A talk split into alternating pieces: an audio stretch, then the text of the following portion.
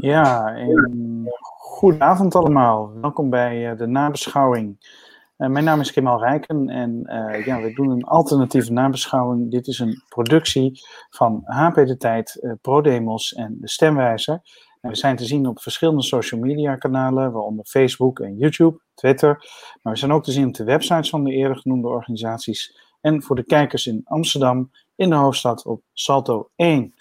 Um, ja, wij gaan nabeschouwen. We hebben namelijk het grote NOS-slotdebat gezien. Traditioneel altijd het, uh, ja, het laatste debat, vlak voor de verkiezingen. Wat we, uh, wat we in Nederland al jaren hebben. En uh, ja, bij deze nabeschouwingenreeks is dit ook onze laatste nabeschouwing. Jammer hè, dat dit de laatste is, jongens. Ja, ja, vind ja, toch wel leuk gehad, toch? Ja. Nou goed, uh, we doen dit voor u en we hebben dit gedaan voor u omdat we denken dat we u iets extra mee kunnen geven als kiezer. Iets meer verdieping kunnen geven, iets meer inzicht waarom de politici zeggen te zeggen wat ze doen, et cetera, of doen wat ze zeggen. Um, wij doen ook dingen en wij zeggen ook dingen. En we hebben een panel, een vast panel. En uh, dat gaan we even een voorstelrondje doen. Eerste panellid is Kim van Keken. Kim, hoi Kim. Hoi. Uh, Kim, jij bent onderzoeksjournaliste voor onder andere Vrij Nederland, de Groene Amsterdammer en verschillende andere media. Heb je een leuke avond gehad? Ja. Oké. Ja, echt. Ik vond het een. Uh, kijk, ik vond, ik vond sommige stellingen heel voorspelbaar. Maar ik was super blij met het Europa-debat. Um, ja. Het enige wat ik wel dacht, deze avond had wel wat meer fact-check nodig dan de andere avonden. Oeh. Zo beweerde Rutte nogal stellig dat hij echt heel veel heeft gedaan om de kloof tussen vast en flex weg te nemen. En dat is echt, nou ja, dat durf ik wel te stellen, aantoonbare onzin. En dat vind ik toch wel jammer in zo'n debat, dat er op een of andere manier, nou ja, dat je dat niet als kijker meekrijgt. Ja. Nou, Alhoewel, Hoekstra... Oh, ja? sorry, ik moest ook kort. Maar Hoekstra die zei wel, wat ik wel leuk vond, dat hij zei van ja, het is juist de VVD geweest die weinig aan die kloof wilde doen. En daarmee, nou ja, zette die, dat was wel, vond ik wel een opvallende opmerking vanuit Hoekstra. Nou, misschien kunnen we zo nog even kijken naar die facts. Ja. En uh, we hebben ook iemand van Stemwijzer, die uh, heeft alle programma's doorgenomen, die zit klaar. Dus die zou ons ook het een en ander uh, aan misschien factchecks nog kunnen voorzien. We zullen even kijken of dat haar lukt. Uh, het tweede panellid is uh, Ton R. van Dijk. Uh, door mij aangekondigd als sterverslaggever van HP De Tijd. een bekend gezicht. En Ton heeft heel veel tv-ervaring, werkt onder andere voor de NPO en AT5. En ja, ik heb je tot nu toe altijd de ultieme sportvraag gesteld. Hoe voel je of wat gaat er door je heen? Maar hoe voel je je na deze avond? Mag ik dat zo stellen? Ehm, ja, aan de ene kant opgelucht dat het erop zit. en dat we zo meteen gaan weten hoe het afloopt. Aan de andere kant uh, ook wel een beetje gechoqueerd over het einde van het uh, debat tussen Wilders en Kaag, waarin uh, Wilders Kaag uitmaakte voor verraadster. En dat een aantal keren achter elkaar zei. Ik vind dat toch eigenlijk iets wat we met z'n allen niet normaal moeten gaan vinden. En dat het gewoon kennelijk al zo geaccepteerd is dat het gewoon gebeurt in het, in het NOS-stoldebat. Ja, dat vind ik echt ja, bizar. dus ja, dat was, on, dat, dat, dat, dat was behoorlijk. Ja, dat was behoorlijk onder de gordel. Ja, ik vind het gewoon zo'n ongelofelijke verruwing van het politieke debat. En zo op effectbejag. Dat, uh, dat we eigenlijk met z'n allen zouden moeten vinden dat dat niet kan. Maar ja, het gebeurt. Hè? Dus, uh, maar ik wou dat wel even zeggen, want als we dat met z'n allen normaal gaan vinden, dan. Uh, dus ja, dat was, dat was aan de ene kant heel spectaculair, begin, maar daardoor. En tegelijkertijd ja, enorm grof. Ja. Uh, we gaan er zo nog verder over hebben. Uh, het derde panellid um, is Huub Bellemakers. Uh, Huub is campagnestratege en werkte onder andere voor GroenLinks, de FNV en de Rutger Stichting. En Huub is in het altijd mooie Nijmegen. Huub, jij bent Brabander en jij zit in Nijmegen. Hoe heb jij vanuit die hoek naar dit debat gekeken? nou ja, nog Brabant, nog Nijmegen werden genoemd. dus Uh, het is vaker over uh, Iran gegaan dan over uh, de regio. maar ik heb me eigenlijk goed vermaakt vanavond. Ik vond het vrij inhoudelijke debatten. Ja. Ehm, ze waren niet allemaal even goed te volgen, maar ik vond het wel. Het, het ging vaak wel ergens over. Ehm, en op Wilders Rutte na ook wel, heb ik ook wel gewoon wat nieuwe dingen gehoord. Dus ik, ja, ik en namens mij heel Brabant en heel Nijmegen uh, hebben een leuke avond gehad. nou, dat is fantastisch. Waarvan akte. ik heb zelf ook een leuke avond gehad. Ik vond het, het ging vlot en ging er snel doorheen. Ik was vooraf was ik een beetje bevreesd omdat de campagnes hun eigen stellingen mochten kiezen. En dan weet je nooit, ja, dan loop je groot risico dat de kandidaten in hun riedeltjes vervallen. Maar dat viel ook reuze mee. En ik vond ook dat er een paar thema's waren gekozen, waaronder Europa. Uh, wat ik niet had verwacht. En dan zie je dus toch een anders, andersoortige debatten dan dat wij uh, als uh, nabeschouwers in de afgelopen tijd hebben gezien. Dus, maar daar gaan we het ook over hebben. En ja, dat gezegd iedereen heeft een beetje zijn eerste mening gegeven. Maar ik kijk even naar Ton F. Ton F, um, jij bent een tv-maker. En we zagen dus dit debat weer vanuit de grote zaal in de grote hal in de Tweede Kamer. En dat gebeurt al meer dan 25 jaar zo. Um, of langer nog zelfs. En um, ja, hoe, hoe, hoe, kijk jij tegen deze productie aan? Uh, want het was geen publiek en toch uh, wist het een bepaalde. Ja, het was toch wel behoorlijk. Uh, zat goed in elkaar, gelikt. Ja, nou ja, het is wel de logische locatie voor zo'n slotdebat is het gebouw van de Tweede Kamer zelf. Daar gebeurt het. Dus dat vind ik een heel overtuigende keus van de NOS. dat er geen publiek bij is, is gewoon heel erg jammer. Haalt toch wat sfeer weg. Uh, tegelijkertijd zagen we daardoor de lijsttrekkers op anderhalve meter van elkaar zitten met een soort tafeltje ertussen. En uh, de sfeer uh, was best wel ijzig af en toe. Zeker na het debatje tussen Kaag en Wilders, waar ik het net over had, zag je ze naast elkaar zitten. En zag je mevrouw Kaag echt heel bewust, volgens mij, de andere kant op kijken, want die had het echt helemaal gehad met, met Wilders. maar ik vond het ja, als televisieprogramma goed. Alleen, ehm, kijk, er staat een moderator eh, in dit geval Rob Trip. En bijvoorbeeld tijdens het debat tussen uh, Hoekstra en uh, Jesse Klaver, die het overigens volgens mij vrij goed deed vanavond, die een beste avond had. Maar ging het op een gegeven moment alleen maar over wat u zegt klopt niet. En wat u zegt klopt niet. En dan vind ik het eigenlijk wel de taak van een moderator. Om dan even in te grijpen met zijn kennis van zaken. En te zeggen, nou, dat klopt wel en dat klopt niet, want dat staat zo in uw programma. En nu kwamen ze allebei weg met ja, wat u zegt klopt niet. En als kijker ben je dan totaal de weg kwijt. Het ging alleen maar over hoeveelheid stikstofuitstoot en moeilijke uh, wetten die aangenomen waren en noem maar op. Maar, en dat klopte allemaal niet over en weer. Dus ja, dan, kom je, dan voer je eigenlijk geen debat. Dus dan vind ik dat er een taak is voor de, voor de debatleider om toch even in te grijpen en even de feiten te, te ordenen. Ja, en verder denk ik, uh, naar de toekomst toe gezien, uh, de stellingen en lijsttrekkers zelf hun stellingen mee laten nemen. Dat is tijdens de afgelopen periode en ook vanavond ja, uh, kan een zwakte zijn. Dus, dus daar moeten we goed naar kijken of dat nou echt een formule is die we in de toekomst overeind willen houden. Want misschien kom je veel verder als je mensen gewoon ondervraagt. Ja, het is nog steeds een formule inderdaad die toch, toch nog uh, te veel te makkelijk wordt gebruikt. Kim, ja, ga je gaan. Wat ik heel grappig vond aan die stellingen, dat, dat er nu twee stellingen waren die heel ruim waren. Dus over leiderschap en um, uh, samenwerken. En daardoor kon je eigenlijk alles benoemen. Dus vooral met dat samenwerken ging het echt van abortus tot landbouw. Terwijl Rob Trip had gezegd, je moet je wel aan de stelling houden. Maar als je het zo formuleert, dan kan je natuurlijk alle kanten op. En dat vond ik echt wel heel uh, ja. slim bedacht, eerlijk gezegd. Ja, maar die was door Segers ingebracht, hè? Ja, ja maar dit was echt van, ja, samenwerken, ja, dat, ja, bedoel, want dan kom je eigenlijk altijd uit, ja, soms wel, soms niet. en dan, ja. Maar dan hebben ze toch, ja, ze hebben inderdaad heel veel onderwerpjes daar de revue kunnen passeren. Dat was wel uh, op zich wel knap. Ja, en dat was ja. met leiderschap natuurlijk ook zo, want daardoor kon Wilders over de toeslagenaffaire beginnen en zo. Dus dan, nou ja, dat, dat vond ik wel een, eh, een, een, een interessante keus van de, van de partijleiders. Ja, helder. Maar ja, goed, het, het was op zich wel, als avond zat het goed in elkaar, in die zin. Er was ook nog een debat met de kleintjes. Uh, dat was uh, voor het uh, grote NOS-slotdebat. En dat analyseren we niet, nu niet en we bespreken het in die zin ook niet. Maar ik wil er toch wat over vragen. Heeft iemand het debat met de kleintjes gezien? Vingers? 1, 2, 3. Nou, ik ook. nou, Oké, okay, we hebben het allemaal gezien. was er nou iets opmerkelijks tussen? Want ik vond dat ook een beetje. Het was eerder een vraaggesprek. Het leek wel rondom tien. Van, of, ja, of, maar dat vond ik wel goed ik vond, ik vond het een heel informatief programma. Natuurlijk allemaal, allemaal heel kort. Maar uh, wat ik heb gezien, in ieder geval bijvoorbeeld bij Esther Ouwehand, die heeft uh, heel goed daar punt kunnen maken. Um, um, anderen ook. En ja, die, uh, volgens mij was dat voor, voor hun eigenlijk een ideale setting.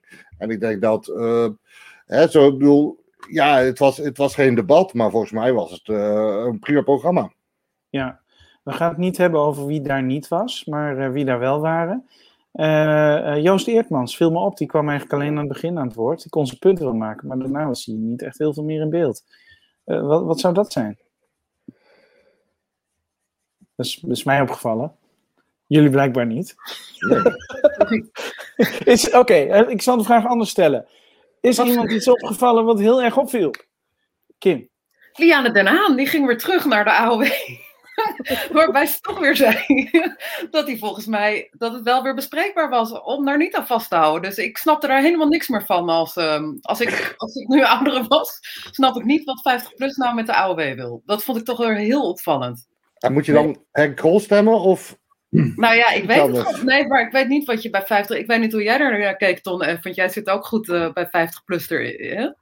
Nou ja, ik vond het vooral bizar dat uh, de toenuren die zij gemaakt heeft, inderdaad in de campagne rondom die pensioengerechtigde leeftijd, die heel duidelijk in het verkiezingsprogramma staat en waar zij dus afstand van genomen heeft. Vervolgens de ruzie die ze gaat maken met een uh, ander kandidaat-Kamerlid op nummer drie, Elle, Verkoelen. En dan uh, vanavond, of uh, in dat debatje werd ze aangesproken op, ja, in uw uh, verkiezingsprogramma staat dat u een kiesdrempel wil van 3%. En daar zouden ze zelf helemaal niet aan voldoen. Dus ja, ja, je voer je dan? Dus ik denk echt dat Lianne Den Haan voor 50PLUS een enorme misrekening is. De partij staat ook op nul zetels. Op dit moment wordt hij gepeild. Ja, of dat ook zo zal zijn, dat weten we natuurlijk niet. Maar ik denk wel dat zij een enorme misrekening uh, is. Wat ik wel interessant vond, was uh, Femke Merel van Koten. werd gevraagd van ja, wat, wat voegen nou die kleine partijtjes toe? En ik vond dat zij daar wel een goed verhaal had. Zij uh, zei van ja, luister, wij, wij juist als, als één pitters of twee pitters in de, in de Kamer zijn helemaal onafhankelijk en kunnen daarom ook zeggen wat we vinden en echt oppositie voeren en zijn niet gehouden aan die fractiediscipline. Dat vond ik wel een aardig verhaal. En voor de rest, ja, het was gewoon informatief. Ja, nou dat is heel duidelijk. En wat wij doen is hopelijk ook vrij informatief. Maar dan wil ik bij nu, bij deze even de kleintjes uh, voor de, ja, in, in de hoek laten. En uh, dan gaan we nu uh, over naar een van onze twee gasten. Want we hebben vanavond niet één, maar we hebben twee gasten, twee deskundigen. En dat heeft ook voor een deel met de actualiteit te maken. de eerste gast die we hebben is Tom van der Meer. Kom er maar in. Daar is ben ik. Hi Tom. Hi. Goedenavond. Uh, Tom van der Meer, jij bent uh, hoogleraar politicologie aan de Universiteit van Amsterdam. En je bent gespecialiseerd in kiezersgedrag en politiek vertrouwen. En je schreef het boek De kiezer is niet gek. En vanuit dat uh, optiek even nadenken, de, de, kiezer is niet gek. wat heeft de kiezer deze avond hieraan gehad als hij niet, ja, als, hij, als hij niet gek is en toch wel kan zien? Ja, ik vond uh, in bredere zin vond ik deze campagne inhoudelijker dan voorgaande campagnes die ik uh, heb gevolgd. Uh, dus dat was goed voor de kiezer, want dan kan hij een geïnformeerdere keuze maken. Wat we ook vaker zagen, zowel vandaag als eh, bij sommige van de eerdere debatten, is dat je vaker tegenstanders had die ook echt strijden om dezelfde kiezer. Dus Ploemen, Marijnissen bijvoorbeeld, of Hoekstra, Rutte. Dat zie je niet, dat zag je vorige jaren veel minder. En deze campagneperiode veel meer. Dat is echt goed voor die kiezer die twijfelt tussen die partijen. Nuttiger dan, dan vier keer Rutte tegen Wilders, waar bijna geen wisselwerking meer tussen is in, in termen van kiezers. Maar tegelijkertijd zit er ook een soort van grote, er hangt een grote deken over de campagne. En dat is niet eens de coronadeken, maar dat is de deken die de VVD eroverheen hangt. Um, het, het is bijna paradoxaal, maar het debat is inhoudelijker. Tegelijkertijd brandt er geen groot conflict los. Het is niet dat, dat er nou een groot conflict is ontbrand dat er grote tegenstellingen duidelijke alternatieven worden neergezet. Um, en wat we dan weten uit onderzoek is dat kiezers worstelen daarmee. Uh, die hebben het dan moeilijker om een goed geïnformeerde keuze te maken. Uh, en als ze die alternatieven niet vinden in het politieke midden, dan gaan ze op zoek naar alternatieven buiten het politieke systeem. En dat betekent ook dat er daardoor meer ruimte ontstaat voor bijvoorbeeld kleine nieuwe partijtjes. En er is ja. een reden waarom dat conflict dit keer niet ontbrandt. En die reden zit volgens mij heel erg in de campagne van de VVD. De VVD voert een campagne die volledig draait om leiderschap. Uh, het zit in de campagnespotjes, het zit in de verkiezingsposters, maar het zit ook heel sterk in de debatten. Ook vandaag weer. Rutte, zijn eigen stelling, was opnieuw leiderschap. Dat was de vorige keer met Wilders ook al en eerdere debatten ook. Rutte, zijn eigen stelling gaat elke keer over leiderschap. En als hij wordt geconfronteerd met anderen, Wilders die hem probeert te onderbreken, uh, of Hoekstra die het willen gaan hebben over de inhoud, dan pareert Rutte dat stevast door weer terug te vallen op leiderschap. Zij werd uitgedaagd door, door Hoekstra. Ehm, en en de, Rutte, de reactie van Rutte was: uh, ja, ehm, we zijn het niet eens zozeer oneens, maar u, heeft niet, u kijkt niet naar draagvlak. Dus opnieuw wijzend naar leiderschap. En dat deed hij al in het allereerste debat, ging hij ook, reageerde hij ook al op deze manier. Op bijvoorbeeld uitdagingen rond klimaat. Of uitdagingen rond inkomensongelijkheid. Door te zeggen, we zijn het niet oneens, maar leiderschap. En dit dus is een tamelijk consequente keuze van de VVD, maar dat betekent dus ook dat ja, als iedereen zijn pijlen richt op die VVD, kan er geen grotere strijd ontbranden. dus de linkse partijen blijven een beetje in, in de kou staan. Uh, de rechtse partijen, uh, eh, PVV, FVD ook tot op zekere hoogte. Ja, dan, dan, dan, is er niet iets wat, wat het hele stelsel bindt in termen van conflicten. Dus het is eigenlijk een, een dorre storm uh, die over het land raast, die Rutte heet, die Mark heet. Nou, ik denk eerder dat het een deken is. Het is een hele bewuste campagne. Um, om, om, om, om die conflicten klein te houden. Het begon al met, helemaal aan het begin van de campagne, met de brief van Rutte.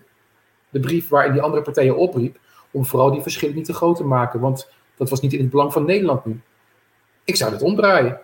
Uh, wat nou, een politicologische wijsheid is dat als er geen duidelijke conflicten zijn, is er voor kiezers ook weinig te kiezen. En democratie draait er nou juist om dat er alternatieven zijn waaruit je kan kiezen. Dus alsjeblieft, voer die uh, inhoudelijke strijd met elkaar. En daar zit dus de paradox. Het was, ik vond het echt serieus vaak inhoudelijke debatten, inhoudelijke campagnes, zeker vandaag. Vandaag vond ik een fijn debat en ik vond het allereerste radiodebat ook echt heel goed. Uh, en sommige één op één debatten ook trouwens nog. Uh, en ik vond Nieuwsuur inhoudelijk. Maar tegelijkertijd dat grotere conflict, wat je ook nodig hebt, dat ontstond maar niet. Maar ook het grotere verhaal. Ik kijk even naar Huub Bellenmakers. Huub, jij wil daar wel op reageren. Ja. Ja, ik, ik vroeg me ook af, want het is ook, ook nog eens zo dat volgens mij oppositiepartijen, bijvoorbeeld vanuit links, ook niet het echte conflict hebben gezocht. Uh, bedoel, ze hebben bijvoorbeeld de toeslagenaffaire, is bijna niet over gepraat. Zo van, eh, kijk, vanuit de PvdA snap ik nog wel, want uh, daar waren ze zelf een beetje bij betrokken. Um, maar er is ook vanuit de SP of vanuit GroenLinks is er nauwelijks over gepraat. Uh, over uh, Black Lives Matter bijvoorbeeld, om iets anders te noemen, nauwelijks over praat. Over uh, flescontracten, ja, daar had het CDA het, het over. In plaats van linkse partijen. Het, het, is ook een soort van dat ze Rutte ermee weg lieten komen in mijn optiek. Ja? ja? Ja en nee. Want als je kijkt naar hoe de debatten zijn opgezet, dan zit er wel een tweede probleem aan. De linkse partijen hadden ook weinig kansen hiertoe. Al met het allereerste debat, uh, zat Rutte, was Rutte ingedeeld met Thierry Baudet, met uh, Wilders, met Hoekstra. Um, latere debatten waren de hele tijd Rutte tegenover Wilders. Uh, het enige debat waar het had gekund en waar het ook echt wel werd geprobeerd, was het RTL-debat. Het, het, RTL-debat was dat, dat, dat free fight van, van zes leiders tegelijkertijd tegen elkaar. Um, maar daar was bijna geen ruimte om, om dit soort dingen aan te snijden. En Rutte kon dit soort inhoudelijke vraagstukken heel makkelijk pareren. Ja, maar ook buiten de, ook buiten de debatten is het nauwelijks geprobeerd, zeg maar. Uh, is, mijn, uh, hoe heet het, is, is mijn visie. Dus dan, bedoel, het werd, ja, ik heb wel het idee dat Rutte ook wel een beetje makkelijk werd gemaakt. Ja, uh, Kim? Oh, ik ben wel benieuwd om hoe kijk jij dan naar hoe de media dit organiseren? Zouden ze dan niet zelf meer initiatief moeten nemen om die, om die smaken meer tegenover elkaar te zetten? Ja, dus wel om links tegenover Rutte te zetten en zo. Nou, volgens mij heb je een mix nodig. Uh, dus je hebt een mix nodig van de kandidaten die strijden om dezelfde kiezer, aan de ene kant. En die bredere strijd aan de andere kant. En het moet dan niet zo zijn dat uh, je elke keer dezelfde koppeltjes gaat krijgen. En nou, deze keer viel natuurlijk heel erg op dat het continu Rutte-Wilders was, die bij elkaar werden gezet door redacties. Ja. Uh, en daar had natuurlijk veel meer afstemming mogelijk geweest. En een tweede manier om dit te verbeteren, als je echt inhoudelijke debatten wil, is het Amerikaanse voorbeeld volgen. Dat we niet vijf debatten gaan voeren met in elk debat alle thema's een heel klein beetje aan bod laten komen. Maar dat we de debatten ook iets thematischer gaan organiseren. Eén keer praten over de economie, zodat je meer ruimte hebt om dat echt aan te snijden. Eén keer praten over de multiculturele samenleving of EU of kies het maar uit.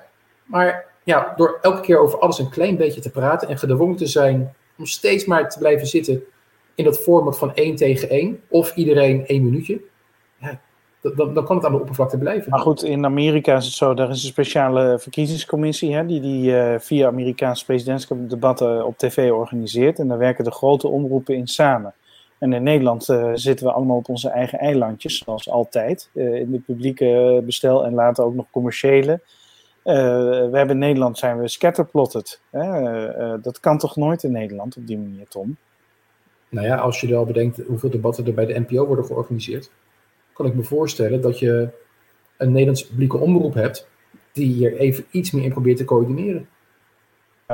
Ja, dus dat uh, zou een goed idee zijn. Ik heb nog één vraag voor je en dan uh, gaan we door naar de volgende gast. En dan kunnen we zo nog wel verder praten hoor. Dus als jullie nog vragen of dingen voor Tom hebben. Um, uh, wat, wat ik me dan vraag naar zo'n debat. Hoeveel mensen kijken daarnaar? Hè? Ik bedoel, miljoenen kijkers. En heel veel mensen die laten hun mening ook echt uh, uh, tot het laatste moment daarvan afhangen. En dus hun keuze ook. Um, um, je, hebt ook, je weet ook wat van kiezers die oversteken af, hè Tom?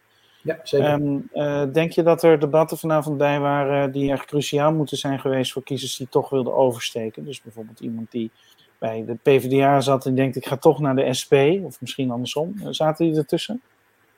Ja, in het algemeen geldt dat ongeveer zo'n pak een beetje 15% van de kiezers op de dag zelf het definitieve besluit neemt. Uh, dat, weet, dat, dat gold in ieder geval in voorgaande jaren. Het zou dit jaar zelfs nog iets meer kunnen zijn. Ja. Um, en dan zijn er natuurlijk een aantal debatten geweest waar dit wel het geval was. Um, ik, ik, ik, wil niet zeggen dat kiezers dan massaal van de PvdA naar de SP zouden gaan, of omgekeerd. Of dat de kiezers massaal van de VVD nu naar het CDA keren, of omgekeerd. Maar ze krijgen wel meer informatie. Want het, het gekke is, ik had het idee dat sommige debatjes nu pas eindelijk aan het ontbranden waren. Dat Hoekstra ja. nu pas eindelijk uh, de vinger op de zere plek kon leggen. Dat Klaver nu pas het lek boven had hoe hij zich kon onderscheiden. Uh, dat kan kiezers wel helpen. Ja, ik krijg de indruk dat wij van het panel een beetje blij zijn dat het misschien wel voorbij is in die zin. Maar had het misschien een weekje langer mogen duren dan, volgens jou? Nou, uh, dat, voor mij zou dat een veel te normatieve vraag zijn om te beantwoorden. Uh, dat, ik denk dat het voor die partijen fijn is als het langer zou zijn doorgegaan. Maar voor andere ja. partijen juist natuurlijk niet. Dus ja. nee, dat verschilt. Oké. Okay, het, nou, het, het, het hangt ook vanaf hoe je, hoe je, die campagne voert, of, of er meerwaarde in zit. Het is nog niet voorbij en, en wij zijn ook nog niet klaar, dus uh, we kunnen zo nog door. Uh, Tom, alvast bedankt voor jouw bijdrage, voor deze inzichten, heel fijn. En dan gaan we naar de tweede gast. En de tweede gast is een bijzondere mevrouw. Dat is Hanneke Gelderblom. Kom er maar in. Daar is ze. Hanneke, jou, jouw microfoon staat uit. Moet je even op mute drukken. Hanneke? Jouw microfoon staat uit. Even. Je hebt het twee keer geklikt. Je hebt twee keer. Ja, nu nergens niks meer doen, Hanneke. Nergens nu is het goed. Nu is het goed. Perfect. Ja, is goed. Oké, okay, alleen nog te praten. Um, ja. Ik introduceer Hanneke even. Uh, uh, Hanneke Gelderblom is uh, oud-senator voor de D66. Zij zat tussen 1986 en 1999 in de Eerste Kamer. En daarna ben je actief geworden als waarnemer voor de OVSE, de Organisatie voor Vrede en Samenwerking in Europa. En Hanneke die ging als waarnemer naar verkiezingen in landen als Bosnië, Macedonië, Oekraïne, Moldova, Armenië en Azerbeidzjan. Maar ze is ook als waarnemer in Turkije en in de Verenigde Staten geweest. Dus Hanneke heeft heel veel ervaring. En jij bent in 2019 gestopt. En vorige week schreef je op de website Jonet uh, schreef je een bezorgde column over de briefstemming. Uh, even voor de kijkers thuis. Um, oudere mensen, 70-plussers in Nederland, die mogen per post stemmen. En in die poststemming, daar heb je twee enveloppen en twee kaarten. En mensen die hebben de verkeerde kaarten in de verkeerde enveloppen gestopt. Of andersom. En daardoor bleek gisteren al en ook vandaag dat een, een, een x aantal stemmen niet geldig is. Ik geloof tussen de 3 en de 8 procent van de stemmen. En uh, dat kan een vertekende verkiezing opleveren. Dat is heel zorgelijk. Uh, minister Ollongren van de D66 van Binnenlandse Zaken is vandaag door de media op het matje geroepen. En ze heeft het een en ander verklaard, want ze probeert dus die stemmen alsnog mee te tellen. En ja, we hebben Hanneke gevraagd om vanuit haar deskundigheid en haar wijsheid iets te vertellen hierover. Want Hanneke, uh, je hebt toch gelijk gekregen, want je hebt vorige week dus een bezorgde stuk uh, geschreven daarover. En, en dan heeft, het, heeft er dan niemand naar jou geluisterd dat dit zou gebeuren? Um, nou ja, dat weet ik niet. Um, waar ik mij zorgen over maakte, was dat um, die briefstemmen, dat was typisch ambtelijk bedacht. Van we doen er een behoorlijke schriftelijke uh, bijlage bij. En dan begrijpen de mensen het wel en dan doen ze het goed. En ik heb al bij de proef daarvan was al gemeld, en dat zijn dus goedwillende ouderen die aan een proef hadden willen meedoen, dat 50% fout ging. En dan grijpt men niet in, want ja, de boel is al gedrukt. En dan denk ik, mijn hemel, we hebben toch een hele goede televisie, we hebben een nationale omroep. Waarom in vredesnaam wordt daar niet duidelijk gemaakt voor die mensen die nou eenmaal ambtelijke brieven niet goed lezen, hoe je zo'n briefstem zou moeten uitbrengen. Zo simpel is het. En dat wordt dan gewoon niet gedaan. En dan denk ik, hoe stupide. Want ik heb voorspeld dat het fout zou gaan. Uiteraard was daar een oplossing voor en die is heel simpel. Namelijk, als je de stem pluspas, die dan in de verkeerde envelop zit, op een aparte stapel legt en het stembiljet in de stembus doet, dan is dat briefgeheim, is gegarandeerd. Maar dat Ollengren met haar ambtenaren daar nog acht uur over moet denken, dat begrijp ik niet. Ja, maar dat was uh, vandaag, hè? Dat was vandaag. Vanochtend kwam die oplossing pas, terwijl het uren van tevoren en eigenlijk voor het gebeurde al bekend was dat dit gewoon fout zou gaan. Ja. Maar goed, Ollengren is, uh, is jouw partijgenote, dus uh, ja. had je misschien even met haar kunnen bellen? Uh, vorige week, of is er, is er überhaupt contact ik geweest? Heb ik heb geprobeerd om deze berichten door te geven, maar men weigerde gewoon om ernaar te luisteren. Want de ambtenaren van Ollengren wisten toch hoe het moest. En we hebben toch een kiesraad die weet hoe het moet. Ik heb me wel eens afgevraagd of van die mensen van de kiesraad ooit iemand zelf in het stembureau gezeten heeft. Maar nee, waarschijnlijk niet. Ja, want jij bent jarenlang voorzitter geweest van een stembureau, yes. uh, Den Haag. Ja. Dus stembureau nummer 1 in het gemeentehuis, hè, het IJspaleis. In het gemeentehuis, maar ik heb ook in bejaardenhuizen gezeten. Ik ben zelfs een keer door een hele boze kiezer aangevallen, waar de politie bijgekomen is omdat die kiezer riep: Teringwijf, waar bemoei je je mee? En probeerde mij in elkaar te slaan. Ik heb het Oeh. allemaal meegemaakt. Oké, okay, nou, ja, dus Den Haag is een ruige stad. Ja. Uh, uh, maar dat, dat gezegd hebbende, um, um, uh, wat denk jij? Gaat dit nog problemen opleveren? want de, de, stemmen worden nu toch meegeteld. alleen die Ze worden zonder meegeteld. ID-kaart dus, van de stemkaart. Ja, het is dus zonder wetgeving en zonder dat de Kamer erbij geweest is, is dit goed bevonden. Um, ik durf te wedden dat er partijen zullen zijn die na de verkiezingen hierop terugkomen en zeggen: dit was onrechtmatig. Ja. Dat, dat gaan we krijgen. Rechtszaak? Ja, absoluut. Ga jij naar de rechter dan? Want je bent nee, ik niet. Op. Nee, nee hoor. Naar de rechter. Nee, ik, ik, niet. Ik bedoel, ik heb geprobeerd met de kennis die ik heb en dankzij Jonet, die het op wou nemen, geprobeerd hiervoor te waarschuwen. Daar is niet naar geluisterd. Ik heb zelfs, dat weet jij ook, gezegd dat het eigenlijk onverstandig is om in de coronatijd verkiezingen te houden. Ik heb gepleit voor drie maanden uitstel. Want hoe kun je aan de viruswappies uitleggen dat mensen wel naar de telling mogen en na negen uur dus op straat mogen? Dat mensen van het stembureau komen. We hebben dus niet besloten de stembureaus om zeven uur dicht te doen. Nee, die zijn tot negen uur open. En dan mag niemand meer op straat. Daar gaan we ook geheidzeker gedonder over krijgen. Als, je, als jij nu OVSE-waarnemer zou zijn, hè? jij komt Ja. uit uh, Oekraïne als waarnemer Ja. en je komt in Nederland, of Ja. noem een ander land, Finland of zo. Ja. Eh, en je komt in Nederland, eh, wat zou jij daar hier dan van denken? Ik denk dat de OVSE hier een eh, niet al te vriendelijk rapport over schrijft. Er is namelijk nog een punt wat de OVSE al jaren tegen Nederland zegt. Dat is namelijk de machtiging, dus de overdracht. Dus je mag met de stemkaart van een ander stemmen.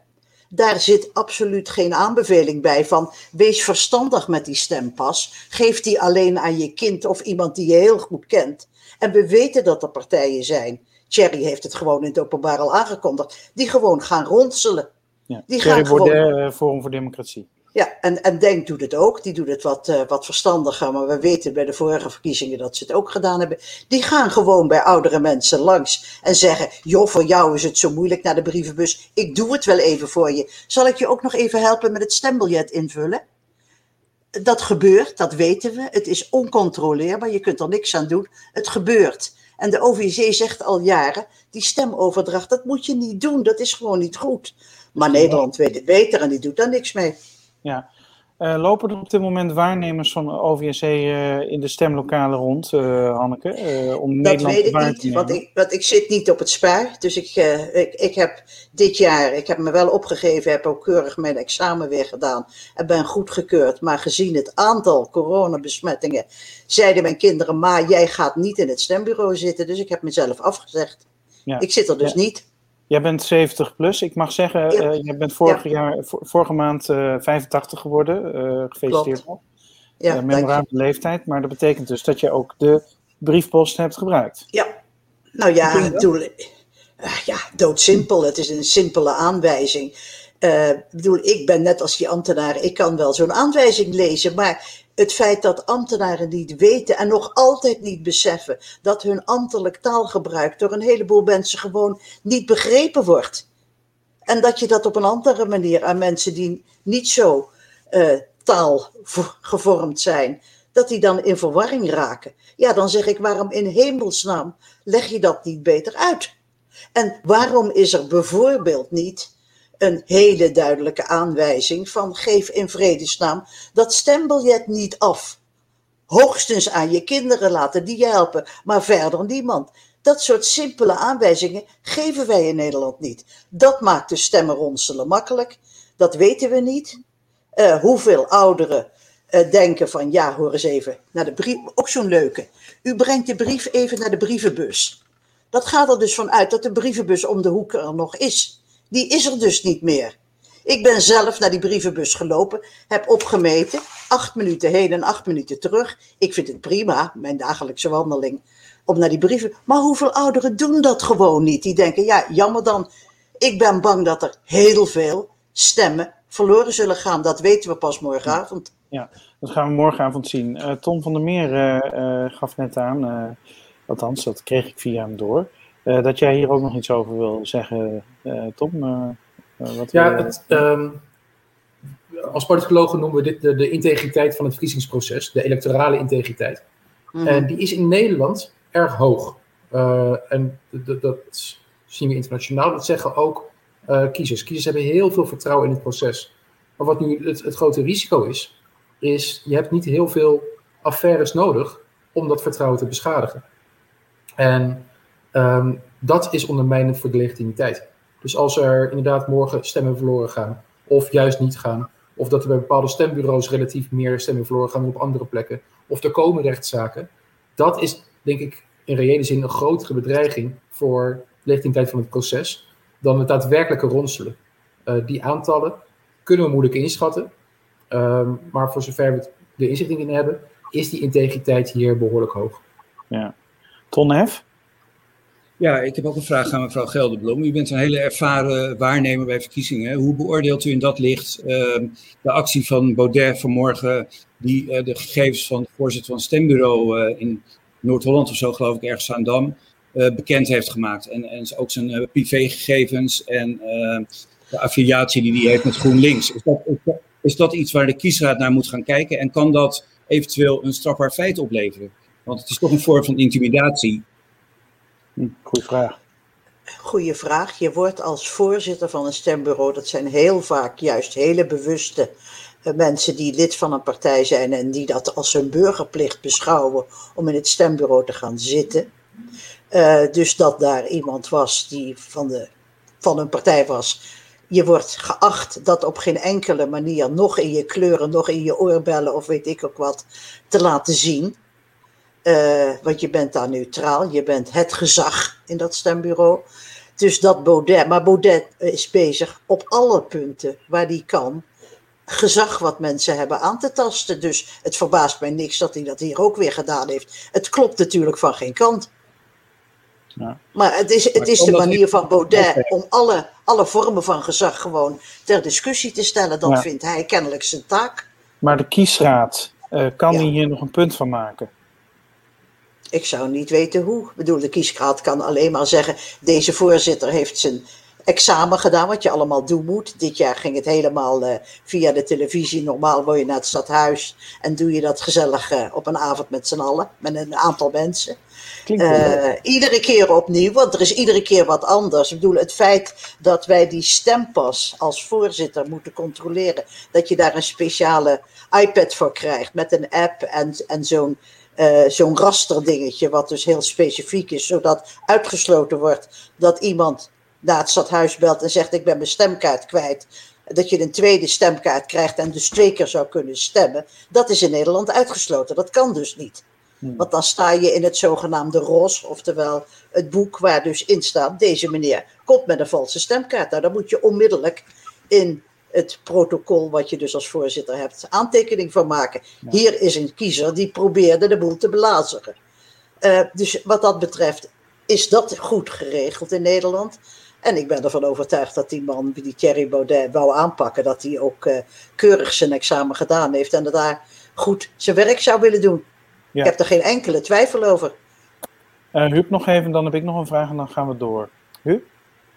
Ja, want dat weet ik gewoon niet. Wat, wat, wat zou dit kunnen betekenen als er bijvoorbeeld de OVSE een heel kritisch rapport hierover schrijft? Uh, wat, uh, wat is de consequentie? Ik bedoel, ik weet het. Bedoel, meestal zegt een land dan: Oké, okay, uh, jullie hebben ongelijk, uh, we gaan verder. maar gaan wij dat dan ook doen? waarschijnlijk zal er gezegd worden: Dank u wel voor het rapport. En bij de volgende verkiezingen zullen we er rekening mee houden. Punt. Oké. Ja, typisch ja, Nederland waarschijnlijk. ik wil nog een vraag aan Hanneke. Jij bent natuurlijk in heel veel vreemde landen geweest, maar ook uh, in Amerika en Turkije. Uh, mm waar, lijken, waar lijken die problemen die wij nu in Nederland hebben met de stembusgang het meeste op? Heb je dit bijvoorbeeld in andere landen als Moldova, ben je dit ook tegengekomen daar, in Oekraïne? Nee, daar kom je hele andere dingen tegen. Dan worden wij geacht met burgers te praten of alle partijen gelijke rechten hebben. Ik heb een mooi voorbeeld uit Armenië. De eerste keer dat ik daar was, toen was de situatie na de oorlog nog heel slecht. Uh, de elektriciteit viel iedere keer uit. Maar de elektriciteit viel nooit uit als de voornaamste kandidaat op de televisie een verhaal hield. En altijd als de concurrentie. Dan viel permanent de televisie uit. Nou, dat soort dingen neem je dan uiteraard in je rapport op. Ja, dat soort toeval is een beetje gek. Nou, in Amerika heb ik bijvoorbeeld aangetekend. In Amerika kun je twee keer stemmen. Want je kunt een stemkaart krijgen in waar je woont en waar je werkt. Dus als jij in Boston woont dat is New Hampshire. Maar je hebt een huis in New York, een flatje. Dan kun je in New York stemmen en dan kun je in Boston stemmen. En dat weigeren ze te veranderen. Ja, dat is ons systeem. In Amerika hebben ze dus niet een nationaal systeem, maar is het allemaal via staten geregeld.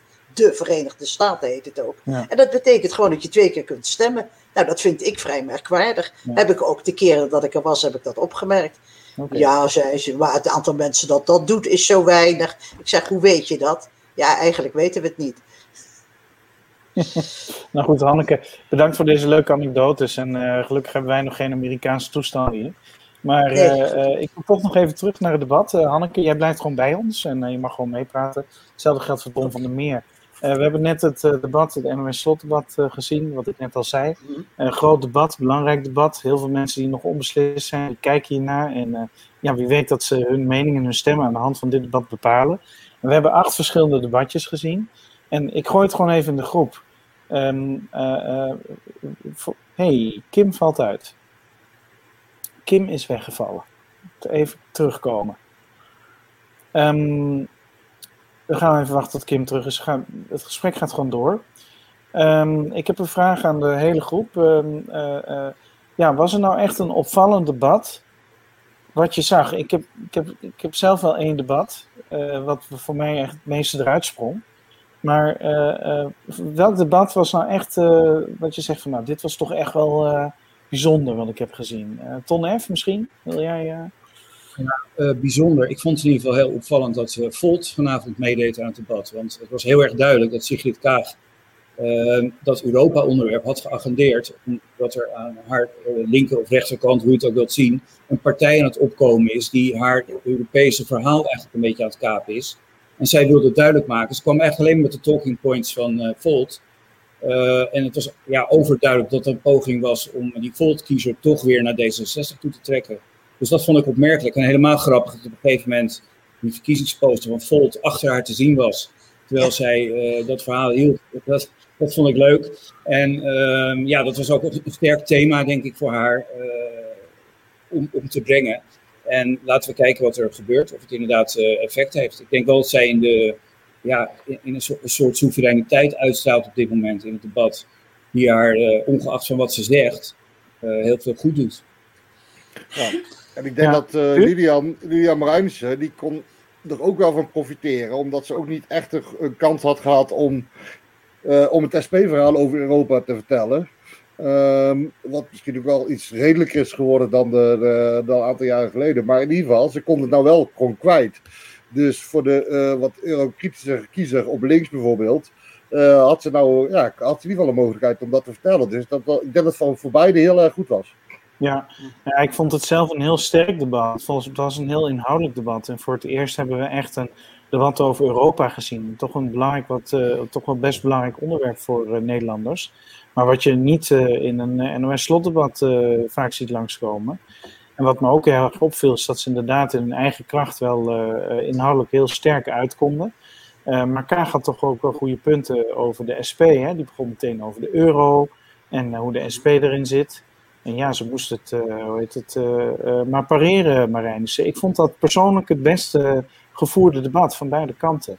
maar er was ook weinig te pareren aan, denk ik hoor. Volgens mij was het gewoon ja. voor allebei heel goed hoe ze zich neer, neer wisten te zetten. Wat Huub zojuist al zei. De SP um, is aantrekkelijk voor de eurokritische kiezer. En uh, we weten dat er een grote schare kiezers is die links is, maar wel kritisch over de Europese Unie. Die hebben niet een, een evidente partij om op te stemmen. Um, en ja, wanneer het hierover gaat, dan kan Marijn zich daar wel op richten. En dat, dat kan alleen maar naar voordeel werken. Juist ook omdat dit soort wat we noemen culturele thema's, door de jaren heen alleen maar belangrijker zijn geworden. Ja, ja zeker. Is, Sorry, ja, Hanneke? Nou ja, wat de SP neerzet is dus ten opzichte van andere Europa-kritische of Europa-onzin vertellende verhalen. Is het verhaal van de SP heeft wel inhoud. Jullie, je kunt het ermee eens zijn of niet mee eens zijn, maar het is wel een verhaal wat staat. Dus ik vond ja. dat Marijnissen dat goed deed. Ja. ja. En ook bijvoorbeeld omdat ze bij het eerdere debatje tussen uh, Ploemen en uh, Marijnissen, toen kwam, toen kwam Marijnissen niet echt eruit. Terwijl het wel echt, nee. Ik bedoel, Ploemen ook niet super, ik bedoel, dat was niet echt een groot verschil of zo. Uh, maar ik bedoel, daar was een beetje de kans gemist. Terwijl, de, je zou zeggen, zorg, uh, ouderenzorg, uh, daar zou de SP op moeten shinen. Maar daar, heeft juist, daar was het een beetje gelijk spelletje, zeg maar. En hier kon Lilian uh, Marijnissen echt al punten pakken. Ja, Nee, het was echt een sterk debat. En uh, ja. in die zin uh, heel interessant ook. En uh, ook inhoudelijk. Want hè, we hebben in deze nabeschouwing, ik weet niet ook voor de kijker thuis of u ze allemaal heeft gezien. Maar als u ze allemaal heeft gezien, dan weet u het wel. We hebben, de, we hebben vaak debatten gezien waarbij het, waarbij het echt inhoudelijk vrijwel nergens over ging. En heel voorspelbaar was. En dit, dit vond ik echt een, ja, mooi, mooi om te zien. Kim van Keken is er trouwens weer bij. haar ja. computer viel uit. En mocht het weer gebeuren, Kim, kom er gewoon weer in.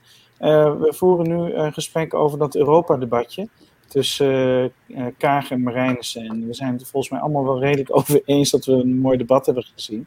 Misschien heb ja. jij nog iets te voegen daarover. Want in het begin zei nou, ik weet niet wat er gezegd is, dus misschien dat ik een beetje in herhaling val. Maar het was me wel, want Kaag vind ik heel sterk, eigenlijk tijdens alle debatten. Maar hier kreeg ze het toch een beetje moeilijk, omdat het R-woord viel, en dat is het referendumwoord. Ja. ja. En uh, er zit natuurlijk wel een probleem met de democratie in Europa. Hè? Dus, dus wat je eigenlijk heel veel onderwerpen die we de hele tijd horen, daar gaat eigenlijk Europa over. Als je het over klimaat hebt, over weet je wel. Er, er ligt heel veel bij Europa ook. En um, nou ja, dat vond ik toch wel heel um, interessant om te zien. Dus ik vond Marijnus hier echt sterk. Ja, ja. ik ook. Um, terwijl Kaag echt tot nu toe alles best wel heel makkelijk pareerde. Ze had ook eigenlijk overal gewoon wel antwoord op. En hier had ze het toch wel moeilijk, moeilijker dan anders. Ja, dat klopt. En uh, D66 is natuurlijk de partij die voor het referendum uh, een van de kroonjuwelen het licht heeft uitgedaan. Ja. En uh, ja, dat is toch wel inderdaad score op open doel geweest voor Lilian Marijnis, of niet? Tom? Nou, ja, daar wil ik nog wel een kanttekening bij plaatsen. Want ja, het is natuurlijk gewoon echt een, een, een beurzenplek voor D66. Want ze hebben dit zelf afgeschaft, hun minister notabene. Uh, maar tegelijkertijd, de D66-kiezer is niet zo heel erg fan meer van het referendum. De VVD-kiezer, de CDA-kiezer, de PVV-kiezer, de SP-kiezer zijn allemaal veel meer fan van het referendum dan de GroenLinks, PvdA, D66-kiezer tegenwoordig.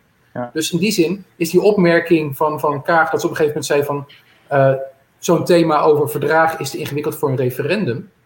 Dat sluit stiekem best wel aan op, bij, bij wat een groot deel van haar achterban ook daadwerkelijk denkt. Dus in die zin is het niet, niet een verdelend issue noodzakelijk. Bij, bij de huidige achterban, nou is Hanneke, is D66 oud-gediende en nog steeds lid en prominent. Hanneke, wanneer ben jij lid geworden van D66? In 1966 bij het oprichtingscongres. Oh, dat is lang geleden. Ja, uh, uh, ja dat, dat, dat, zal jou pijn doen in het hart, wat nee, Tom zegt. Nee, want ik vind dat het referendum is een instrument uit vervlogen tijden. We hebben op het ogenblik zoveel andere mogelijkheden om de mening van de mensen te peilen, dat ik niet meer zo hecht aan dat referendum. Bovendien vind ik het een, ik heb het steeds een sterktepunt van de partij gevonden, dat je op een gegeven moment kunt zeggen, dit middel werkt niet goed. Eh, het Oekraïne-referendum was daar een voorbeeld van. Daar heeft de SP met geld, dat is achteraf gebleken, van Rusland zo'n anti-Oekraïne-campagne gevoerd met dat referendum, dat wij het gevoel hadden van ja, maar dit is een middel wat niet bewerkt wat wij willen, maar het werkt in ons tegendeel. Dus het feit dat de partij de moed had om te zeggen, dit middel werkt niet zoals wij het willen, dus kunnen we het beter afschaffen, vind ik een sterktepunt. In plaats van dat met het ons aanwrijft van je laat iets vallen. Nee, als een instrument niet werkt, dan moet je de moed hebben om te zeggen het werkt niet.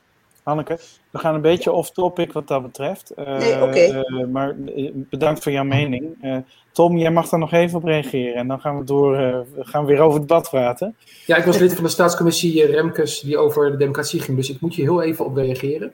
Een instrument dat niet werkt naar je grootste voorkeur, kan je eerst aanpassen wat je hem afschaft. Maar belangrijker is, uh, die alternatieve kanalen om de stem van de bevolking te horen, die zijn niet zo egalitair als het referendum. Dus we hebben, we hebben een right to challenge, we hebben inspraakavonden, we hebben lotingen enzovoort. Wie daarop af kan komen, zijn, is de participatie-elite. Hoogopgeleide, blanke mannen van middelbare leeftijd, met iets wat links-progressieve neigingen, die maken daar gebruik van maar niet een doorsnede van de bevolking. En dat maakt een referendum wezenlijk anders. Oké. Zullen we doorgaan naar het debat? Want uh, daar gaan we het natuurlijk over hebben. Uh, bedankt over voor dit kleine debatje in uh, dit gesprek over het debat. Maar um, ja, was er iemand anders nog iets opgevallen in dit NOS-slotdebat? Kim? Nou, wat ik nog eventjes, wat mij, Tom van der Meer had het al over dat leiderschap van Rutte, maar het wordt op een gegeven moment ook een beetje komisch, omdat hij ook iedereen heel erg zit te bedanken de hele tijd. Dus uh, de debatleider, dank u wel voor dit mooie debat. Uh, oh, ik wil toch nog even over Arie Slob, want die werd aangevallen in het eerdere debat door Ploemen. En hij kwam daarna, dat ging dan over een opmerking over homoseksualiteit die Slob had gemaakt. Nou, maar ik wil toch nog zeggen dat het een goede collega is. Maar het wordt, als je erop let, dan, ja, ik krijg een beetje, een beetje slappe lach van. Ik denk, het begint zo ja, maar ik krijg ook een beetje rillingen. Ik krijg ook, ik krijg ook een beetje rillingen over mijn rug ervan. Want, uh, hij deed ook een nieuwsuur, weet je wel, die hadden geprobeerd. Het, hè, toen zei hij ook, nou dank u wel dat ik, het is echt, uh, nou heel, uh, heel grappig. Dat, nee, maar dat, niet alleen, hij wil heel erg amicaal zijn. Hij wil heel erg, um, ja, hoe zeg je dat, sociaal en bindend zijn. En dat ligt er zo dik bovenop. Het viel me in het laatste debat heel erg op. Hoekstra versus Rutte. Uh, dan zie je dat die Hoekstra tutoyeert. Dat doet hij dan per ongeluk expres, weet je wel, van we zijn vriendjes. En hij zegt ook nog dat hij zo graag naast hem zit in de treffenzaal. En hij zegt dat ze goed hebben samengewerkt en samen in de regering hebben gezeten. En dat hij dat eigenlijk stiekem nog wel een keer wil. En ja, het is gewoon heel doorzichtig, want ik zie daar gewoon een, een poging in. Om tegen zijn VVD-kiezers te zeggen van ja, die Hoekstra die zegt misschien wel dingen die u stiekem ook vindt, maar u moet toch bij mij, want dan krijgt het CDA erbij. Weet je, en dat, het, het, ik, ik, ik, ik weet niet of die kiezers dat doorzien. Ik, eh, misschien, misschien kan iemand daar uh, nou, mij duidelijkheid geven. Wat ik ook wel vind, is dat hij gewoon inhoudelijk nergens op ingaat. Dus Wilders die had een heel terecht punt over de toeslagenaffaire, maar die begon ook over de woningmarkt. Hè? en over de vlekwerkers. En toen zei Rutte gewoon, nou, niet zo overdrijven. Dat is echt...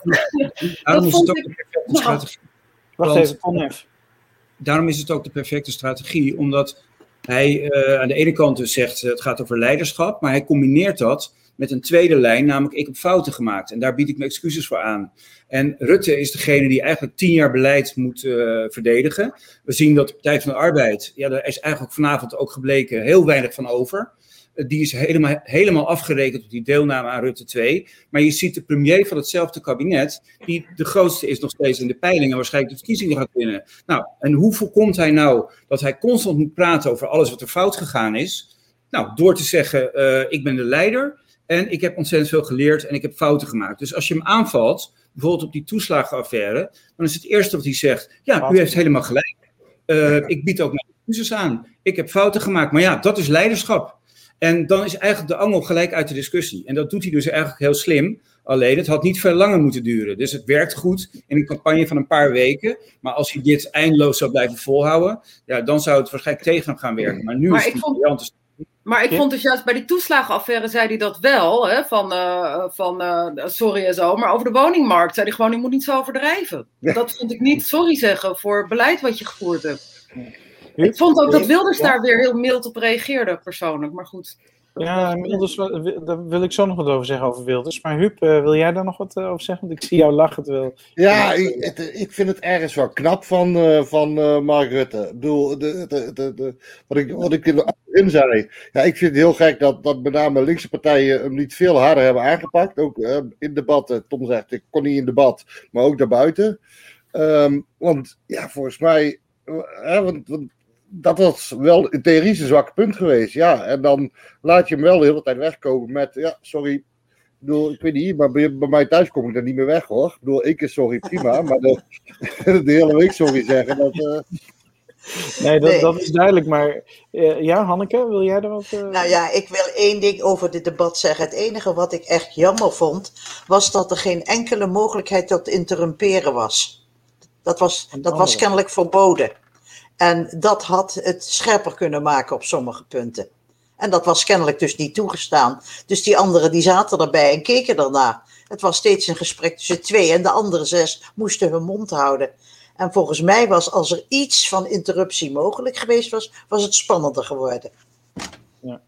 Nog even over uh, dat aanvallen van linkse partijen op uh, Rutte. Ja, ik denk dus dat ze dat niet hebben gedaan of minder hebben gedaan. Want ja, Rutte heeft uh, waarschijnlijk een aantal linkse partijen nodig om een regering te vormen zonder de PVV. dus ja, je zal hem maar eens aanvallen en hem boos maken. Ton, hoe zie jij dat, Ton F? Nou, ik weet niet of zij linkse partijen nodig heeft. Op dit moment zijn volgens mij in de peiling, maar goed, dat is natuurlijk iets zaligmakend. Maar de huidige coalitie lijkt een lichte kleine meerderheid te, te, behouden. Nou, als dat zo is, verwacht ik dat die ook gewoon doorgaat.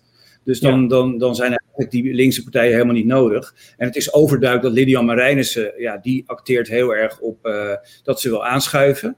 Uh, en het is ook overduidelijk dat GroenLinks dat ook doet. Hè. Die stelt zich heel erg verbindend op, Jesse Klaver. Maar het is ook duidelijk dat Rutte daar niet veel van moet hebben. Dus dat Marijnissen dan wellicht een partij is waar die wat mee zou kunnen. Maar ja, dan is gewoon de grote vraag, komen ze daar inhoudelijk uit? Maar ik zie op dit moment eigenlijk continuering van Rutte 3 ja. uh, gewoon naar Rutte 4.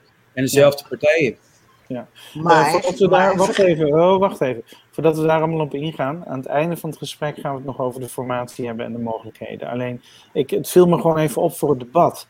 Omdat Huub net zei, weet je wel, van die, die uh, linkse partijen. En ja, het, het, het, het was misschien wel vrij mat.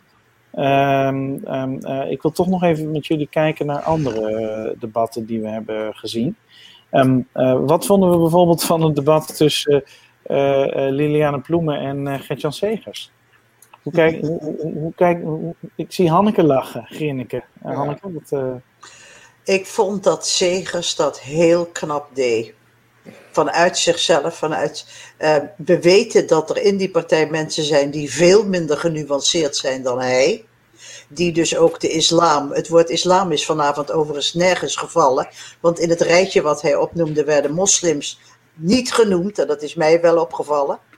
Uh, dus hij komt integer over. Maar zijn partij en leden daarvan zijn minder integer dan hij. Ik vond dat hij het heel knap deed. Maar die partij zelf is mooi.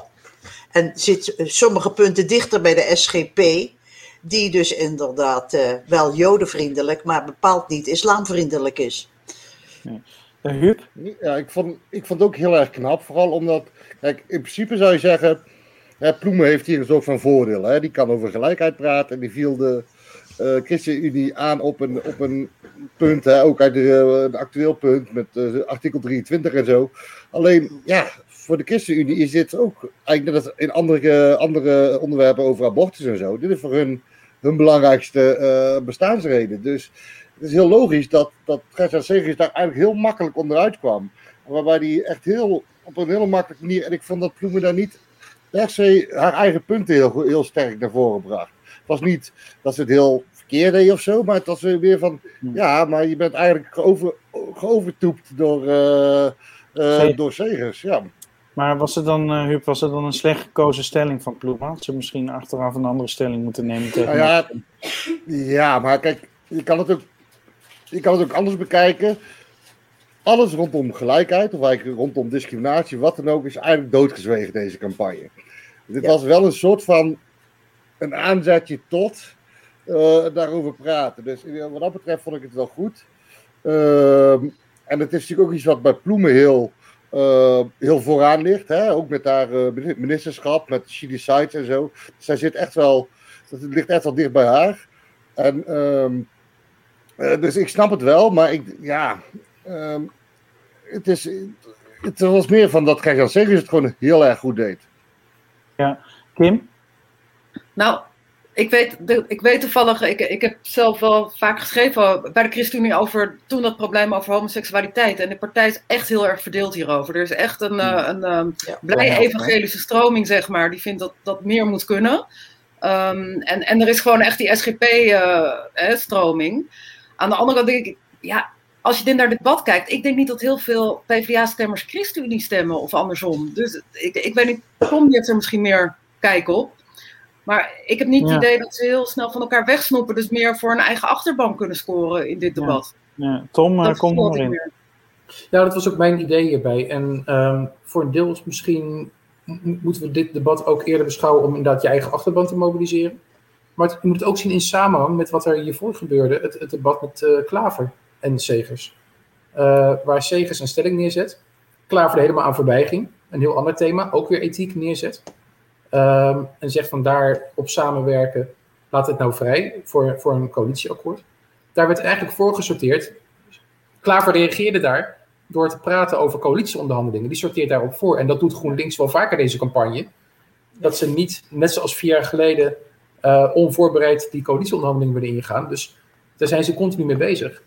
Uh, ik kan me ook voorstellen dat het debatje tussen uh, Ploemen en, en, en, en Segers hier ook verband mee houdt. Dat ze aangeven, jongens, dit zijn voor ons piketpalen.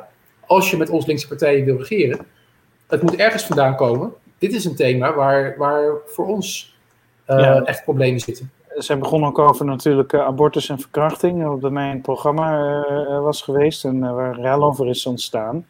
Uh, maar dat is ook zo'n piketpaaltje dan blijkbaar, uh, denk je, of niet? Ja, ja dat denk ik zeker. Ik, ik, ik, ik denk dat die tactiek bij, bij GroenLinks er harder in zit. Want dit zie je door de hele campagne heen al.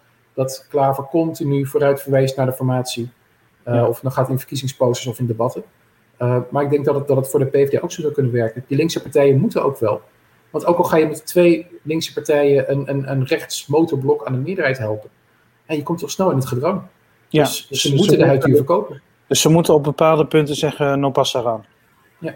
Um, uh, een ander debat, wat erg opviel, was natuurlijk Kaag versus Wilders. En Huub, ja, je merkt al op, op Twitter ook al, dat Kaag echt heel boos was. Ja, dat was en, echt, dat was echt vuur. Ik heb nog nooit zo boos gezien.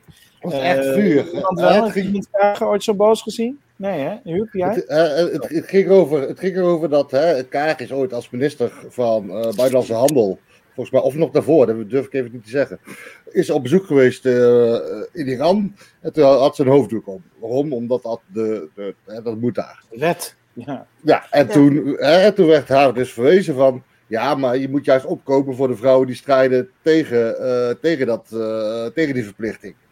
En dat is natuurlijk een, ja, je kan er twee kanten naar kijken, maar je zag duidelijk dat hier de, zeg maar, de, de, de, de diplomaten aan het woord kwam, die, die eigenlijk werd aangepakt op haar beroepseer. Zo van, ja, maar dit is wat ik doe, dit is, dit is, mijn, dit is mijn werk. en jij gaat me nou vertellen hoe dat anders zou moeten. En dat was echt een, een, een, een ja, dat deed er echt pijn. En dat vond ik, ja, vond ik op zich wel mooi om te zien, want het was echt de emotie. Ja, dat was uit het, uit het hart gegrepen, of uit het leven gegrepen. Uh, Ton ja. Was dat, Ton F, hoe, kijk jij hier tegenaan? Uh, nou ja, uh, nogmaals, toen Wilders een aantal keren verrader riep, of verraadster, dat had geen, volgens mij geen minuut langer moeten duren. Want ik zag, je zag Kaag echt boos worden. En hij kwam echt bijna onder de vel. En dat is natuurlijk nooit goed in zo'n debat. en dat, dat was ook wat hij beoogde. Hij probeerde haar natuurlijk uit haar evenwicht te brengen. Want ze was, vond ik, heel soeverein. En ze is duidelijk sterk, ze heeft zelfvertrouwen. En hij probeerde gewoon op het eind uh, ja, daar uh, in te spelen door, door hiermee te komen. En dat lukte bijna, want ze werd echt op, oprecht boos. En terecht hoor. Maar ja, de, de fase na boosheid is dat je misschien de controle verliest over je eigen debat. En dat gebeurde net niet, omdat het aan het eind van het debat was. Maar het had echt niet langer moeten duren. Nee, de tijd was om. Kim? Ja. Nou, ik vond dat zuigen ook wel. Ik moest echt denken aan mijn kind die zijn zin niet krijgt. En dan, en dan stiekem, weet je wel, gewoon nare woordjes blijft roepen. Uh, dat, dat, dat hij dan naar zijn kamer gaat en dan toch nog twee keer zegt uh, KUT-wijf. Weet je wel? Ja. dat, dat oh, wow. Was heb, jij zo, heb, heb, jij er zo eentje? Nou, nee, nog niet. Maar ik, zie, ik denk dat hij dat over een paar jaar wel gaat doen. Nou, dat vermoed ik zo. we weten wie het is, weten hem te vinden. Uh, uh, Tom, Tom van der Meer. Ja, het gaat toch echt wel even een laag dieper. Want er, er wordt hier gewoon een, een bewindspersoon die namens Nederland op bezoek gaat voor verrader uitgemaakt. Ja. Verrader is nogal een term. Je plaatst iemand niet alleen buiten het debat, en je plaatst iemand buiten het democratische systeem door dat te zeggen. en dat vind ik nogal heftig. En de, de, de, hoe, hoe er over wordt nagepraat, ook op de social media inderdaad. Ook zoals wij er nu over praten, over stijl en hoe ga je ermee om. Dit is gewoon echt een, een, een democratisch principe wat, wat, wat hiermee op het spel wordt gezet. Zeker in een tijd waarin politici toch al worden bedreigd. Ik vind dit echt, echt een, een, een voorbij die rode lijn. Ver voorbij de rode lijn. Maar we zitten elke is keer... een nieuw dieptepunt?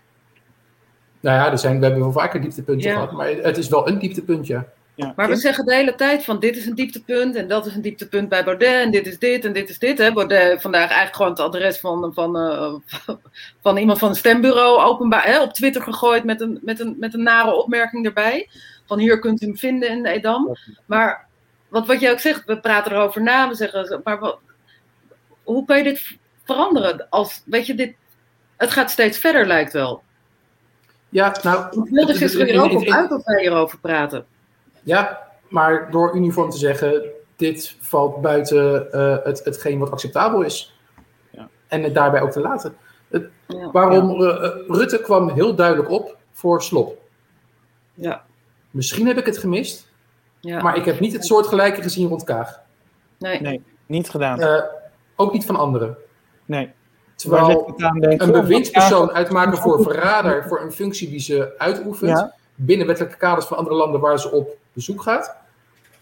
Dat, dat plaatst iemand gewoon buiten de democratie, buiten de, de, de regels van de democratie, want je bent een verrader. Tom, is dat misschien niet omdat ze voelen dat Kaag het zo goed doet in de peilingen en bezig is met een opmars en dat ze daardoor denken van nou laten we maar even bungelen?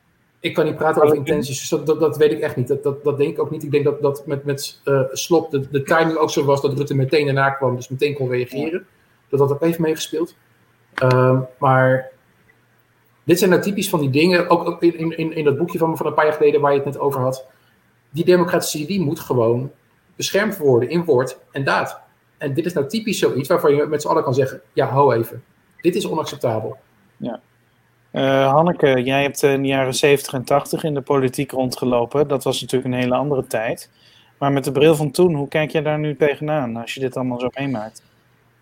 Uh, nou ja, Wilders was er toen ook al. Ik heb altijd verdedigd. Er waren mensen die zeiden: als je uitgenodigd wordt voor een forum, de Centrumpartij hadden we toen nog, en dat soort figuren.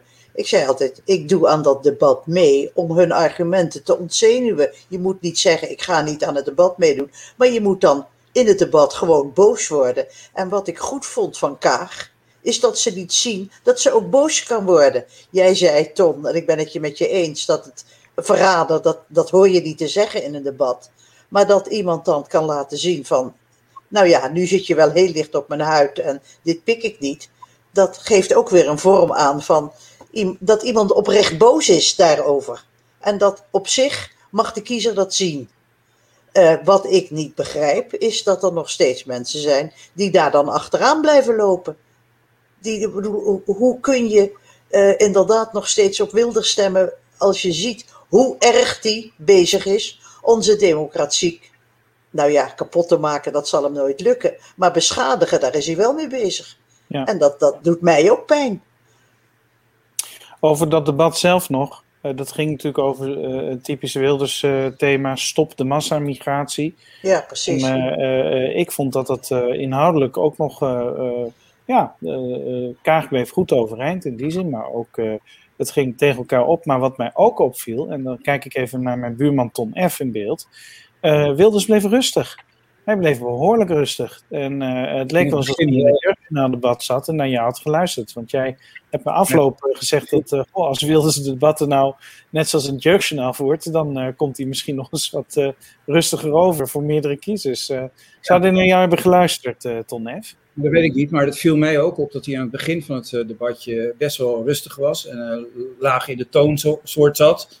Um, en uiteindelijk kon hij dat dus niet volhouden en aan het eind schoot hij helemaal uit de bocht. Ja. En ik ben het helemaal met Tom van der Meer eens. Het is grensoverschrijdend. Je zou bijna moeten zeggen van dat je debatregels opstelt en als dit soort dingen gebeuren, dat mensen zichzelf. Maar ja, daar winnen ze ook weer steun mee, hè, want uh, ja. dus je wint het nooit. Maar ik denk in dit geval heeft die Kaag misschien wel een dienst bewezen, want. Um, ik denk dat dit heel veel mensen uh, bevestigt in het idee dat Kaag de uitdager is.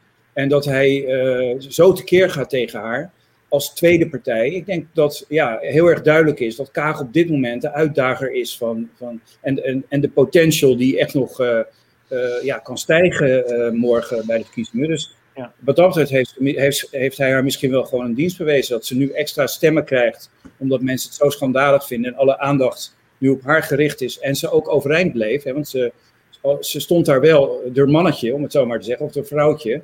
En um, ja, dus ik denk dat het voor haar niet, niet eens zo slecht was.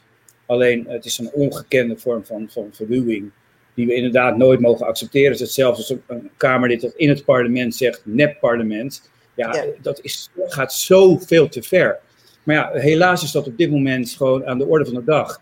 En zien we uh, de PVV en de FVD continu gebruik maken van die extreme retoriek om uh, mensen achter zich te krijgen. En kennelijk, en dat is de spiegel van datzelfde verhaal, is er dus een hele grote groep kiezers die zich zo in de steek gelaten voelt, dat het ze niet meer uitmaakt hoe de boosheid wordt geuit, als die boosheid maar wordt geuit namens hen. En ja, dat is misschien nog wel het meest zorgelijk, hè? want het gaat niet om Wilders, maar er zijn mensen die daarop stemmen. En dat zijn hele gewone mensen. Ja. En die zijn zo boos dat ze dit normaal vinden of dat ze dit ja, goed vinden. Die zijn zo, zo kwaad geraakt dat het hun proteststem is en dus zullen ze erop stemmen. Terwijl eigenlijk, ja. als je ze één op één zou vragen, zouden ze misschien ook zeggen: dit kun je niet maken. Althans, daar ga ik vanuit dat de gemiddelde Nederlander dit ook vindt. Uh, alleen, de, blijkbaar zijn mensen heel erg boos. Uh, Tom van der Meer, uh, nog even. Ja, in, in het verleden zaten de wantrouwen. Het wantrouwen is niet hoger of lager dan vroeger. In het verleden zaten die wantrouwende kiezers ook gewoon bij de PvdA, bij het CDA, bij de VVD. Maar dat is uit elkaar gegroeid. Maar een van de redenen waarom dat uit elkaar kan groeien, waarom je tegenwoordig partijen hebt van structureel wantrouwende kiezers, die niet het systeem mee inkomen, ligt niet alleen aan de PVV, het ligt ook aan de andere partijen. Die de inhoudelijke tegenstellingen niet goed over het voetlicht kunnen brengen, die niet een visie neerzetten voor de samenleving. Sommigen noemen, zeggen, ja, er is onbehagen in de samenleving. Buma deed dat van het CDA in het verleden. Maar ze zetten er niet een visie tegenover hoe je dat onbehagen, een gebrek aan grip, kan omzetten in een toekomstbeeld. Dus dat, dat wantrouwen kan een grotere rol spelen in je stemgedrag, juist omdat andere thema's blijven liggen. U?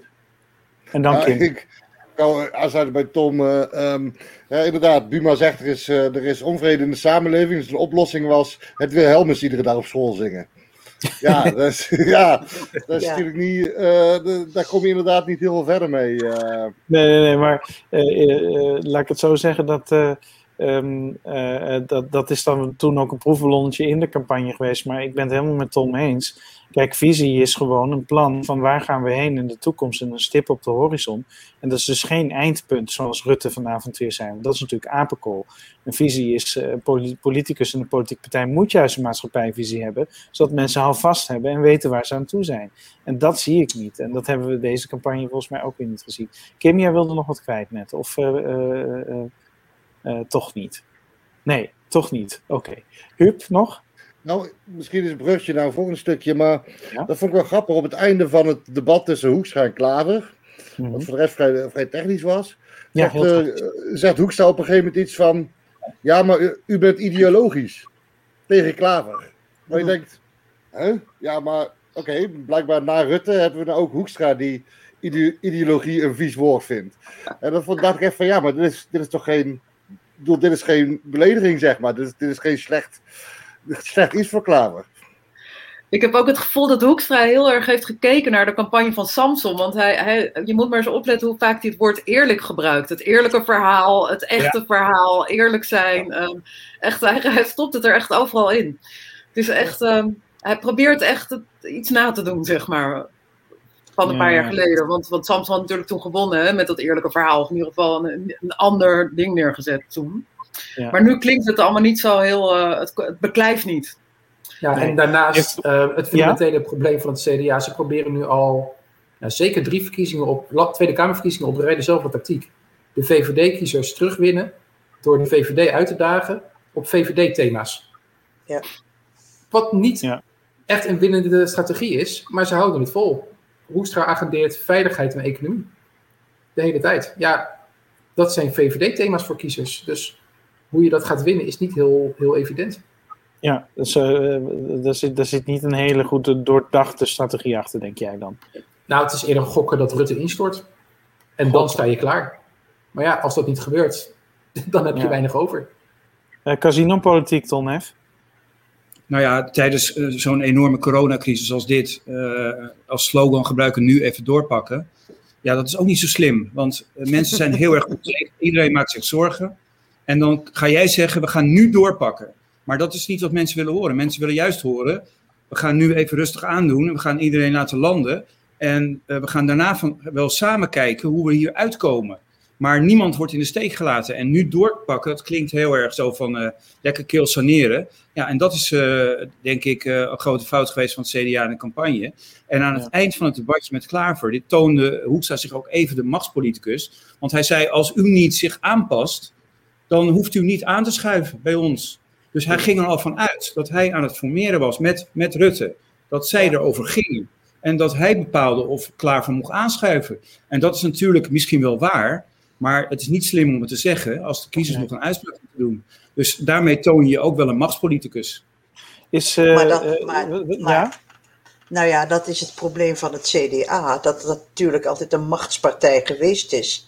Ze zijn die macht kwijt en ze proberen hoe dan ook, om te kijken hoe ze dat terug kunnen krijgen. Alleen het lukt niet. Dat, dat, dat, dat, zie je uh, inderdaad in dit soort debatten.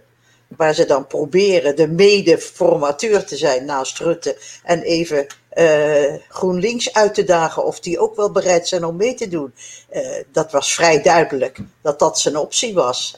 Mm. Jij prikt dat ook door. Ik zag dat ook gebeuren. En volgens mij zijn nou, kiezers zijn daar niet op gesteld. We hebben het daar niet over. We hebben het er nu over welke partij we gaan stemmen. En niet of Hoekstra mee mag formateren, formeren. Daar hebben we het toch niet over. Oké, maar we hebben het nu nog heel even over het CDA. Heeft het CDA in deze campagne één ding wel goed gedaan, jongens? Ja. Oh, Huub, vertel. Ja, ik zal het even... Ja, je mag als enige, hè, dan. dan gaan we door. Ik denk dat het, het was op zich een goede keuze om de jongen te wisselen voor iemand anders. Ik denk dat dat serieus een goede keuze was. Um, en ik denk dat ze. Uh, uh, en ze, hadden één dingetje, meer in, zo'n inhoudelijk dingetje. Dat ze wilden gaan praten over een, een nieuw deal, of in ieder geval een, een, een, opstartpakket voor na de verkiezingen. En ik snap niet dat ze daar niet op door zijn gegaan, want dat was nog wel interessant geweest. als je het over economische onderwerpen hebt. Voor de rest, moi. Ja. Maar, maar wat, nee, Hanneke- mag, ik nog, mag, Nee, mag ik nog één ding zeggen over het CDA? nee. oh, nee, nee, oké, Hanneke. dan niet. Eh, We komen in tijdnood dan, dus we zijn al een beetje aan het uitlopen. Maar Nee, eh, jij, jij hebt de leiding. Dank je. Maar na afloop bij onze virtuele borrel mag het zeker. Eh, eh, Ton F. die zei net ook al, die sorteert dan een beetje voor met eh, eh, de formatie die er aan gaat komen. Hè, Ton F. die zegt van nou ja, als Kaag het goed doet, dan eh, kunnen ze gewoon door eh, VVD, CDA, D66 en, en de ChristenUnie. Eh, eh, eh, we gaan het nu even hebben over de formatie. Want ja, kijk, wat voor een, wat voor een kabinet, kabinet komt er hier uit na een campagne als deze? Die zo, ja, waar zo'n matte deken overheen heeft gelegen. Willen mensen daar harde uitspraken over doen? Zijn- Ik ga even een klokje Nou, rond. oh. Wacht even, nee, ik ga een klokje rond. Eh, eh, Ton F. heeft net volgens mij zijn uitspraak al gedaan, dus die slaan we even over. Mag ik er nog één toevoegen? Ehm, eh, Ja, ik denk dat als, als, als het zo eh, lijkt als het nu lijkt, namelijk dat, dat de hypothese uitkomt dat het huidige kabinet door kan, ehm, maar ook in alle andere scenario's, als de VVD de winnaar is, denk ik dat ze het heel erg moeilijk gaan krijgen met alle partijen die gaan aanschuiven. Want die gaan allemaal hele grote eisen stellen om met de VVD, eh, grote concessies vragen om met de VVD eh, dat kabinet te kunnen vormen. En Rutte zal heel veel moeten weggeven om eh, daadwerkelijk met, eh, met bijvoorbeeld een Sigrid Kaag. eh, want die zit er nu natuurlijk heel anders in. Die was gewoon minister, die moest zich aansluiten bij een regeerakkoord, die werd gevraagd. Maar als zij nu als redelijk eh, goede partij uit de verkiezingen komt, dan zal zij zich heel anders gaan opstellen naar Rutte. Dus het zal een heel ander D66 zijn, dat hele andere eisen stelt. En dat misschien ook zegt anders, jongens, nou, dan doen we dat niet. En ik, hetzelfde voel ik bij Segers. Die heeft ook zoiets. Ja, we hebben heel veel concessies gesloten. Ja. Maar we gaan dat niet weer doen. Bijvoorbeeld met, met die vluchtelingen kinderen in Griekenland. Dus er zullen hele grote concessies moeten komen van de VVD. Dus ik denk dat eh, wat dat betreft kan het nog interessant worden. Ja, voor moeilijke formatie. eh dankjewel voor deze toevoeging. Eh Huub, eh, we gaan een klokje rond. Eh, wat denk jij? Komt GroenLinks, komt jouw partijtje erin, denk je, in de regering? Gaat het Jesse Klaver lukken? Eh, ze willen heel graag. Eh, ze, zullen veel, eh, ze zijn er echt toe bereid. Eh, maar het hangt er helemaal vanaf hoe het morgen net uitpakt. Eh, omdat hè, je hebt een aantal linkspartijen staan tussen de, zeg maar, tussen de 9 en de 13 zetels ongeveer. Ehm, ik denk zelf eerlijk gezegd dat de VVD, CDA, eh, dat die de Christen eh, en ook D66, dat die de ChristenUnie inruilen voor de SP of de Partij voor de Arbeid. Ehm, en dat is eigenlijk wat ik nou voorzie, omdat ik eh, omdat ze het toch wel een beetje lastig vinden met GroenLinks, met, met, met idealen en met, ze zijn bang voor de achterban van GroenLinks. Ze, eh, eh, de SP kunnen ze beter mee. Eh, SP heeft heel veel succesvolle coalities in de provincie met CDA en VVD ook gehad. Ehm, dus ik denk, ik zie het eerder op die manier gebeuren. Ja, maar goed, de linkse partijen, althans uh, Ploemen heeft bijvoorbeeld gezegd, als wij in een kabinet stappen, dan moet er op zijn minst één linkse bij. Dus dan zou je een vijfpartijenkabinet uh, moeten, uh, aan moeten denken in dat geval. Uh, hoe zie jij dat, Huub? Ik denk dat in dat geval uh, D66 ook gewoon als links kan gelden. Ah, oké. Okay. Dan wordt links heel ruim ineens. Uh, Tom denk... van der Meer. Ja, sorry. Tom van der Meer, hoe zie jij deze formatie uh, die eraan ik, komt? Ik ben beroerd slecht in dit soort spelletjes. Um, maar even een paar contextdingen. Ja, uh, we hebben in Nederland centrumrechtse regeringen en centrumregeringen. En een centrumregering is meestal dat één linkse partij uh, samen met één of meerdere rechtse partijen gaat. Als de linkse partijen verstandig zijn, en ik SP, Partij voor de Dieren, GroenLinks, PvdA, gaan ze dat niet in een eentje doen. Uh, want dan ben je heel kwetsbaar binnen die coalitie uh, als je iets naar je toe wilt trekken en je maakt je kwetsbaar ten opzichte van je rivalen. Uh, als er één partij is die het zou doen, ja, dan denk ik dat de SP nog het meest voor de hand zou liggen. Maar ik zou het geen van die partijen aanraden. Maar daarnaast, je moet ook een meerderheid hebben in de Eerste Kamer. Exact. En we zitten nu al met uh, al die extra coalitiepolitieken. En dan ontstaat wel een beetje de vraag: wat is de meerwaarde om te gaan regeren of om één extra partner erbij te halen, als je daarmee nog steeds geen meerderheid hebt in de Eerste Kamer? Dus wat zou kunnen, is wat al jaren wordt geroepen: doe nou eens een keer een serieuze minderheidsregering. Niet die nep-minderheidsregering van Rutte 1, wat gewoon een meerderheidsregering was, waarbij één partij geen ministers had. Maar een echte minderheidsregering met een motorblok die elke keer wisselende meerderheden gaat zoeken. Dat is hoe de regering nu de laatste paar jaar feitelijk functioneert. En ik denk dat dat een werkbaar scenario kan zijn. Met VVD, C60 in de kern. Ja, ik dus zou er Wat, zeg je, wat zegt u? Oh, ik, ik zou er heel erg voor zijn. Ook uit het democratische oogpunt. Ja. Uh, ik denk dat ik daar als, als, als, als burger zou ik hier heel gelukkig van worden, denk ik. Ja, maar in de Scandinavische landen, wacht even, in de Scandinavische landen is men dat gewend, maar in Nederland is men dat toch nog niet, helemaal niet gewend. Het kan toch niet goed gaan, zeggen ze dan. Tom, dat, dat, dat, snap je toch wel, dat argument? nee, want we zijn het hartstikke gewend inmiddels. We hebben nu de, de, eigenlijk, eigenlijk vanaf Rutte 1, of vanaf de val van Rutte 1, hebben we continu minderheidsregeringen gehad, zonder dat we het door hadden. We hadden een lenteakkoord, wat een ad hoc akkoord was met een kern kabinet van CDA VVD. We vervolgens PvdA VVD hadden vanaf het begin af aan geen meerderheid in de Eerste Kamer. Moesten continu hulp vragen. Uh, um, Rutte uh, eh, 3 die verloor halverwege de meerderheid, wat iedereen al van tevoren had kunnen zien aankomen. Dus we doen het in de praktijk al, via de Eerste Kamer. Alleen we noemen het niet zo. Dus we hebben het al. Maar of het per se positief uitwerkt voor het debat, dat hangt heel erg van de cultuur af. Het kan wel. Zie wat er in Scandinavië gebeurt. Als partijen zich ook echt los durven op te stellen ten opzichte van die regering. Dat dualisme waar je het ook wel over hoort. Maar als partijen zich heel erg laten binden door die akkoorden. En niet te veel ruzie willen maken, omdat ze misschien later ook nog in die akkoorden mee willen doen. Dan heeft het juist averechts effect, omdat je dan nog veel bredere ja, dekens van mogelijke coalities gaat krijgen, waardoor iedereen wat stiller is. Het hangt echt af van hoe partijen zich gaan opstellen. Hanneke, hoe zie jij uh, dit en deze formatie? Uh, jij hebt veel ervaring in de Eerste Kamer. Dus ja, nou, ik, had, ik, ik, ben het heel met Tom eens. Ik had het zo straks al in willen brengen. Van, we hebben het niet alleen over het formeren van de Tweede Kamer, maar ook de Eerste Kamer. Uh, en de meerderheid daar die je nodig hebt. En wat ik dus zie in de Eerste Kamer, wat ik niet goed vind, is dat daar heel veel oud-ministers zitten. En wat in mijn tijd in de Eerste Kamer een gezegde was van hij is hij is nieuw hier, maar hij is nog Tweede Kamertje aan het spelen. De Eerste Kamer heeft een andere rol. Kijkt veel kritischer naar zaken. Um, um, is dus niet een, uh, een afgeleide van het regeerakkoord. Dat hebben wij nooit gedaan. Ik heb dus in mijn tijd heel veel met Hanny van Leeuwen, CDA, samengewerkt. Zij zat in de regering, ik niet.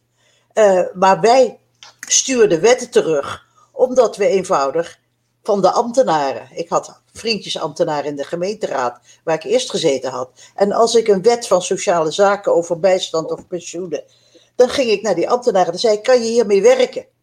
Dat doet de Tweede Kamer nooit. De Tweede Kamer gaat uit van een visie. Zo moet het. En als de ambtenaren zeggen dat het niet kan, ja, jammer dan, je moet het toch doen. Dat is de oorzaak van de toestand waar we nu in zitten.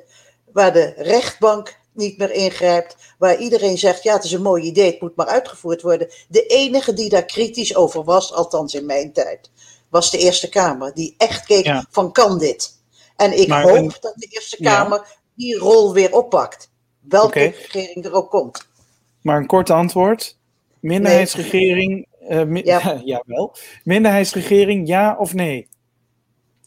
Zou kunnen, mits de Eerste Kamer de wetten bekijkt niet, want er is een regeerakkoord, maar is dit uitvoerbaar? Ja, dan uh, Kim, ja, jij bent nu toch aan de beurt.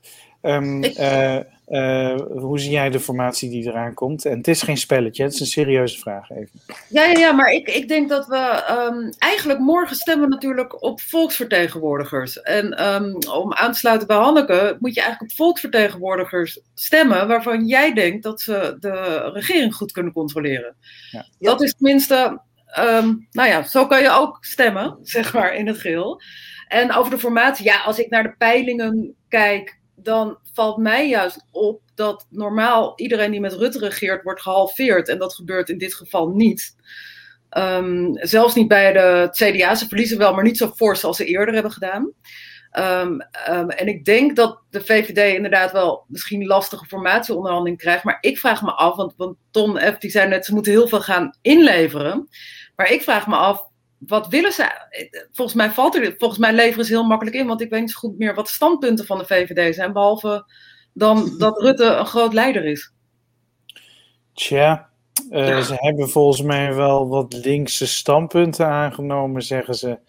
Althans, daar werden ze op bekritiseerd, toch?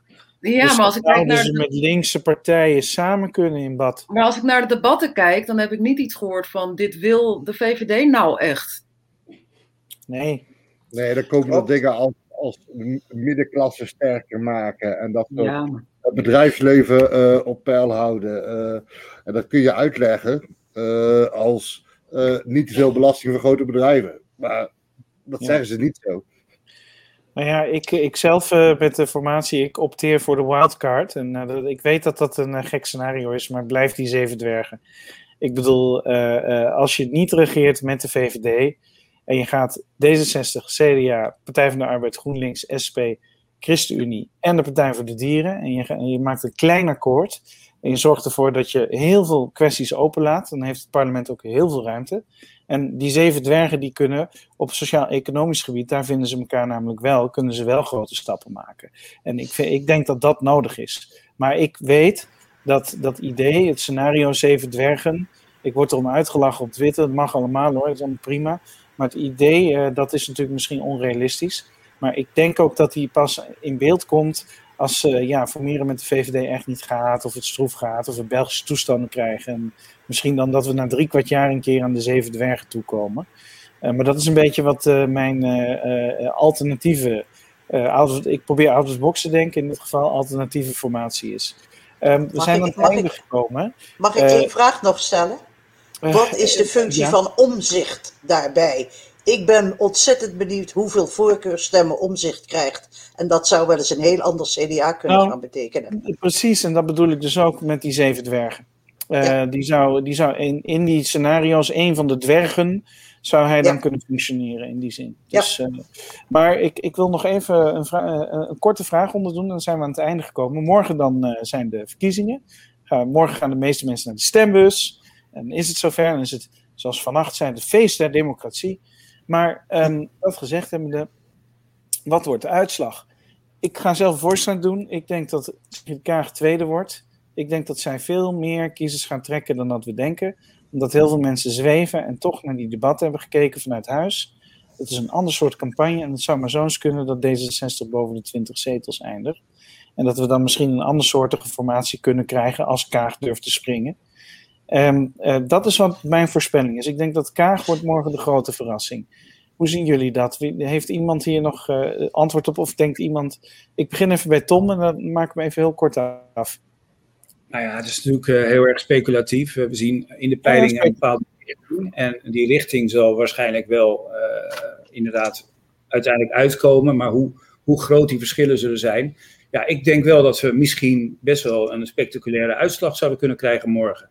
Ik denk ook dat de FVD het misschien veel beter gaat doen dan iedereen denkt. En uh, ja, het zou kunnen dat inderdaad. Kijk, stel dat Sigrid Kaag boven de 20 zetels uitkomt. En stel dat Hoekstra op 16 zetels komt.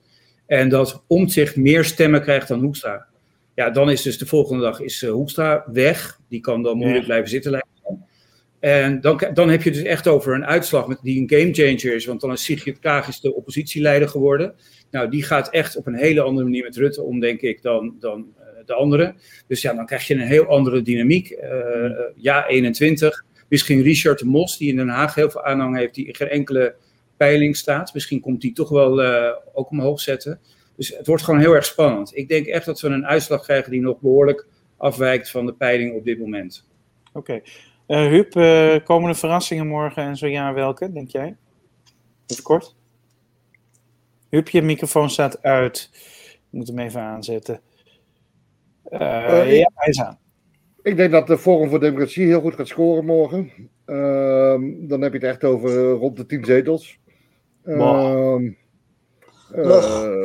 en ehm, ja, dat is eigenlijk mijn voornaamste voorspelling. heel veel kleine partijen zal het echt erom spannen of ze erin komen of niet. Dus dat wordt interessant om te zien. Maar als verrassing zeg ik, zeg ik dat bij Forum.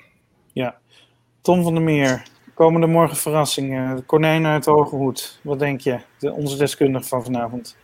ja, maar kiezersonderzoekers zijn de slechtste voorspellers. Uh, we weten, ten opzichte van de peilingen komen er altijd verrassingen. Uh, elk jaar zit er wel één partij bij die echt flink boven of onder presteert ten opzichte van de peilingen. Dus dat weet ik nu al. Kaag zou ik niet eens meer een verrassing willen noemen als je kijkt naar de trend van de laatste paar dagen. Uh, over het algemeen zie je dat zo'n trend ook zich de laatste dag nog wel even doorzet. Uh, waar, waar, mijn interesse vooral naar uitgaat, is uh, of we nu eindelijk eens een keer die versplintering gaan krijgen, waar al vaak over wordt gesproken. We hebben al jaren geen. Ja, we hebben al, al sinds 94 geen partij meer die met één zetel het parlement inkwam. En het zou nu opeens zomaar kunnen dat we tot wel vijf partijen hebben met maar één zetel. Dan hebben we het echt over splinters. Dat hebben we dan sinds de jaren 70 niet meer op die manier gezien.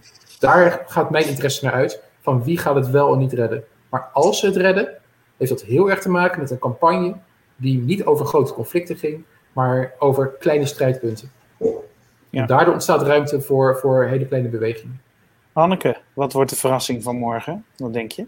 Um, als we inderdaad iets van zeven eenpersoonspartijen krijgen, dan hebben we over twee jaar nieuwe verkiezingen. Maar dat is de verrassing over twee jaar. Nee, want dan krijgen we een onre onregeerbaar regering, een onregeerbaar parlement die alleen maar met elkaar vechten. En dan zal men over twee jaar nieuwe verkiezingen uitschrijven. Dat is mijn voorspelling. Deze verkiezingen gaan een uitslag krijgen die we niet verwacht hebben. En daar, is, daar zullen partijen mee zeggen: hier is niet mee te werken. En dan krijgen we nieuwe verkiezingen. Ik voorspel dat we over twee jaar nieuwe Tweede Kamerverkiezingen hebben. Oké, dan eh, zien we elkaar over twee jaar weer. Hanneke, waarvoor dank. Uh, uh, Kim, wat is voor, morgen nou? Wat, wat denk jij, wat wordt morgen ja, het verrassende element? Daar wil jij vast een uitspraak over Nee, ik doe, ik doe echt geen voorspellingen. Ook echt niet. ik ga morgen een taartje eten nadat ik gestemd heb, want dat hoort zo. En ik ga ook champagne drinken, omdat ik na maanden een paar dagen vrij ben. Yeah. dat vind ik eigenlijk uh, het meest verrassende element van deze tijd. Ja. Nou ja, goed, kijk, wat ik heel verrassend vond, is toch deze mooie nabeschouwingsserie. Ik denk, we hebben er zes gedaan, zes debatten hebben wij uh, nabeschouwd op onze eigen manier. Met, als, met vast panel en deskundigen. En ik wil iedereen van harte bedanken. Ook de mensen die er nu niet zijn, die hebben meegedaan, de andere panelleden. Uh, als mede dus Roderick Rekker, Annemarie Walter en Loes Aalder, Aaldering. En ja, ik wil jullie bedanken. Ton F., dankjewel voor deze bijdrage die jij hebt geleverd. Ook vanuit jouw situatie, dank. Uh, Huub Bellemakers, heel erg bedankt. ja, jij zit nog in Nijmegen, maar je komt vast een keer weer hier deze kant op. Of wij komen naar jou. En dan gaan we elkaar zien. Dank. Ja, toch. Tom van der Meer, ook hartstikke bedankt voor al je deskundigheid. En Hanneke Gelderblom, dank voor jouw bijdrage. En Kim, mijn grote vriendin en buurvrouw, hartstikke bedankt voor dat je erbij was. En je bijdrage. En ik dank u allemaal, want het is nu zover. Morgen kunt u gaan stemmen. Uiteraard, de stembussen waren vandaag en gisteren al open, maar morgen is de grote dag. Gaat u allemaal stemmen, wat u ook stemt. Maak gebruik van uw democratische rechten. U bent burger. Probeer die stempas te pakken en kruis iets aan wat u natuurlijk wil. En ik roep dus iedereen ook op om morgen te gaan stemmen. En ik hoop, en wij hopen, dat u met deze reeks die wij hebben gemaakt ietsje wijzer geworden bent. En dat het ook nog leuk geweest is. Ik dank u vriendelijk en ik wens u een hele fijne nacht en morgen heel veel plezier bij de stembus.